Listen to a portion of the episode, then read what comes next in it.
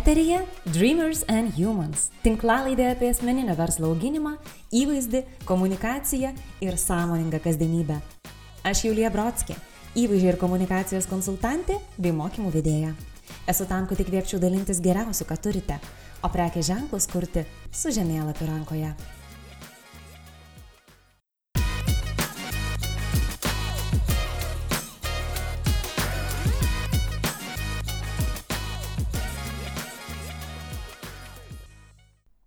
Sveiki! Dėkoju, kad klausotės šios tinklalaidės. Ir ją pradėsiu nuo kvietimo.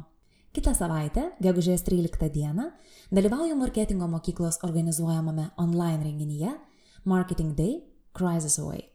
Aš vesiu motivacijos ir produktivumo dirbtuves. O Aistė Jakimovičiūtė Vikauskė kalbės apie tai, kaip prekės ženklai karantino metu sėkmingai arba ne reaguoja į staiga pasikeitusius vartotojų įpročius. Matas Pocius pristatys naujienas naujienlaiškių ir automatizuotų elektroninių laiškų fronte, o Mindaugas Laustauskas kalbės apie viruso smūgį žiniasklaidai ir kas iš to marketingistams. Kviečiu dalyvauti, pabūti kūrybiškos augančios bendruomenės kompanijoje. Renginį lengvai rasite Facebook suvedę marketingo mokykla. O šiandien mes kalbamės apie tai, kaip kilstelėti savo komunikaciją į asmeniškesnį lygį ir tokiu būdu padidinti sekėjų skaičių, sulaukti gausesnių pardavimų. Kaip mes įpratę veikti socialiniuose tinkluose? Bendradama su klientais bei stebėdama medijas ir būdama aktyvi jų naudotoja pastebiu, kad viskas vyksta maždaug taip. Didžiausią fokusą kreipiame į tai, kaip sukurti įdomų, edukuojantį turinį. Planuojamės įrašus, fotosesijas, temas Kasdien atidirbinėjame stories turinį, filmuojame backstage, kartais valandų valandas praleidžiame rašydami informatyvius straipsnius arba naujienlaiškius. Dėl to, žinoma, labai džiaugiuosi. Medijose tikrai juntama kokybiško įvairaus drąsaus turinio gausa ir pasirinkimas. Visgi jei mūsų visa komunikacija apsiriboja tik tuo, galime virsti tokiu nuolat iš savo varpinės kalbančių, mokančių, diktuojančių pamokslautojų. O tikra, autentiška, veiksminga komunikacija neturėtų apsiriboti vien tuo, nei realiame gyvenime, bendraujant su žmonėmis gyvai, nei socialinėje erdvėje. Pastebėkime, juk pavyzdžiui paskaitų metu profesionalus lektorius ne tik aiškina medžiagą, tačiau ieško būdų į paskaitą įtraukti auditoriją, gauti grįžtamą į ryšį. Socialiniuose tinkluose galioja lygiai tas pat. Užuot vien tik edukavę ir dalinėsi savo turiniu, Ieškome būdų užmėgsti dialogą ir įtraukti žmonės. Vienas iš tokių būdų - skatinti sekėjus komentuoti po mūsų įrašais, prašyti patarimų, nuomonės, o taip pat kviesti balsuoti storiuose ir panašiai.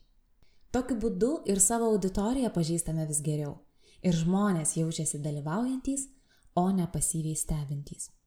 Be to, aktyvus auditorijos įsitraukimas ir algoritmams padeda susigaudyti, kas čia įdomu ir kas nelabai vertinga. Beje, ar žinote, kad skaitmeninė etika prekės ženklui diktuoja atsakyti į kiekvieną komentarą po jo įrašu? Padėkoti, pritarti, pasiginčyti, pasidžiaugti ir taip toliau. Ignoruodami komentarus po įrašais, atrodome nelabai draugiški ir profesionalūs. Kas svarbu? Prekės ženklo komentaras visada turi būti paskutinis. Negalime palikti kažkieno komentaro be dėmesio. Todėl atsiliepkime į absoliučiai visus komentarus. Ir dar, palaikintas komentaras arba širdelė ant jo tikrai nelaikomas atsakymu. Brūkštelėkime bent trumpą ačiū ir palinkėkime geros dienos. Smulkmena, o kardinaliai keičia žmonių jausmą apie mus. Kitas savaime suprantamas būdas bendrauti - tai atsakinėjimas į gaunamas žinutės bei laiškus. Vėlgi, norėdami išlikti profesionalūs, visų pirma, nei vieno kreipimosi į mus neturėtumėm ignoruoti. Į žinutės visada preciziškai atsakoma. Per kiek laiko? Kuo greičiau. Tačiau pažįstantis mane puikiai žinote, kad nesu idėjos būti online visą parą šalininkė. Todėl pirmą Laiką atsakinėti į laiškus ir žinutes planuojame ir skiriame tam konkrečią valandą dienoje. O antra, susitvarkome automatinius atsakymus. Automatinių atsakymų pagalba mes galime informuoti klientą, kad žinutė yra gauta ir atsakysime per tokį ir tokį laiką. Būtinai pažymėkime, kada galima tikėtis atsakymo. Be to, nepamirškime įdėti nuorodas, ten, kur klientas galbūt ir be mūsų pagalbos gali daugiau pasiskaityti arba pats užsisakyti produktą bei paslaugą. Iš tikrųjų pastebiu, kad kartais užtenka ir to. Tiesiog priminti, kur yra e-shopas. Ir vėl Baigiantis tokiam pokalbiui, susirašinėjimui, turėkime omeny. Mūsų, o ne kliento žinutė turėtų būti paskutinė. Dar kalbant apie žinutės, kitas svarbus aspektas. Išmokime sveikintis su naujais sekėjais. Jeigu, tarkim, Instagrame mus pasiekė naujas žmogus, būtinai apsilankykime jo profilyje. Pažiūrėkime, ką jis veikia, kuria, pamėkime, pakomentuokime nuotraukas ir brūkštelėkime jam, jog esame dėkingi už tai, kad pasirinko mus sekti. Praktika rodo, kad užsimesga tikrai įdomus dialogai, neretai vedantis į partnerystę bei pardavimus. Dar vienas būdas bendrauti su žmonėmis bei pasiekti kitas auditorijas - dalyvauti Facebook grupėse, eventuose, komentuoti po įrašais brendo vardu. Žinoma, laikykime etikos. Kitų grupės tai ne vieta reklamuotis, nebent tai yra skatinama, ir žiūrėkime į šią erdvę kaip į galimybę pažinti kitus, savo potencialų klientą, auginti savo autoritetą, ypač jeigu neabejojame savo ekspertiškumu ir nagrinėjimo klausimo išmanimu. Na pavyzdžiui, jeigu esame grožio meistrai, aktyvus dalyvavimas grupėse, kuriuose žmonės diskutuoja apie kirpimą, makijažą, manikiūrą, augins mūsų autoritetą ir padės netiesiogiai pasireklamuoti bei prisistatyti. Lygiai tą patį galime daryti ir, tarkim, Instagram paskirų įrašų komentaruose.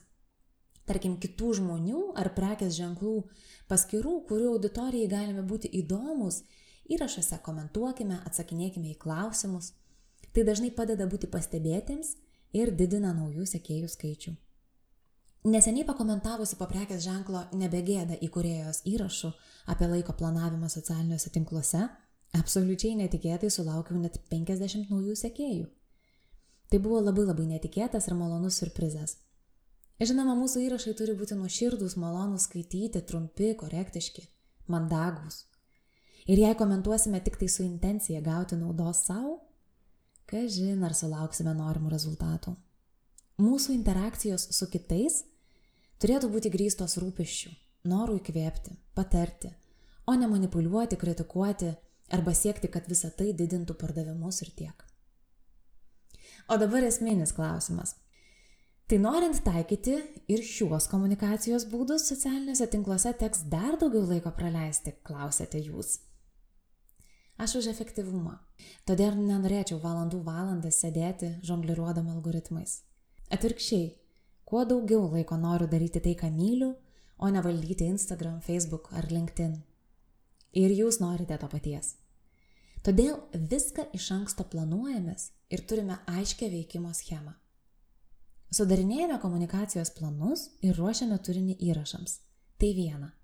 O kita, planuojamės laiką kasdien socialiniuose tinkluose, kurį skirsime šiems darbams. Atsakyti į visus komentarus po mūsų įrašais, atsakyti į žinutes ir laiškus, užeiti į tam tikras grupės ir pažiūrėti, apie ką kalbama, galbūt pakomentuoti, jeigu reikia, užeiti į vieną kitą Instagram ar Facebook paskyrą ir pažiūrėti, galbūt galime būti kam nors naudingi iš savo ekspertinės pusės. Pasidaryti, ką galėtumėm naujo pasiekti, prie kokių judėjimų prisijungti, kur galėtumėm būti naudingi. Šiems darbams užtruksime nuo 15 iki 30 minučių per dieną. Žiūrėkime į tai kaip į investiciją. Galimybę plėsti savo auditoriją ir dar geriau pažinti vartotoją, kuris juk visame šitame mechanizme svarbiausias tiesa. Šiam kartui tiek. Dėkoju, kad klausėte.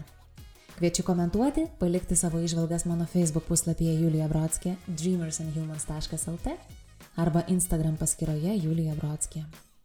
Tikiuosi pasimatyti su jumis gegužės 13 dieną renginyje, kurį organizuoja marketingo mokykla, arba susiklausysime kitoje laidoje. Linkiu efektyvumo bei lengvumo veikiant socialiniuose tinkluose. Ir būkime svajotojais, kurie veikia.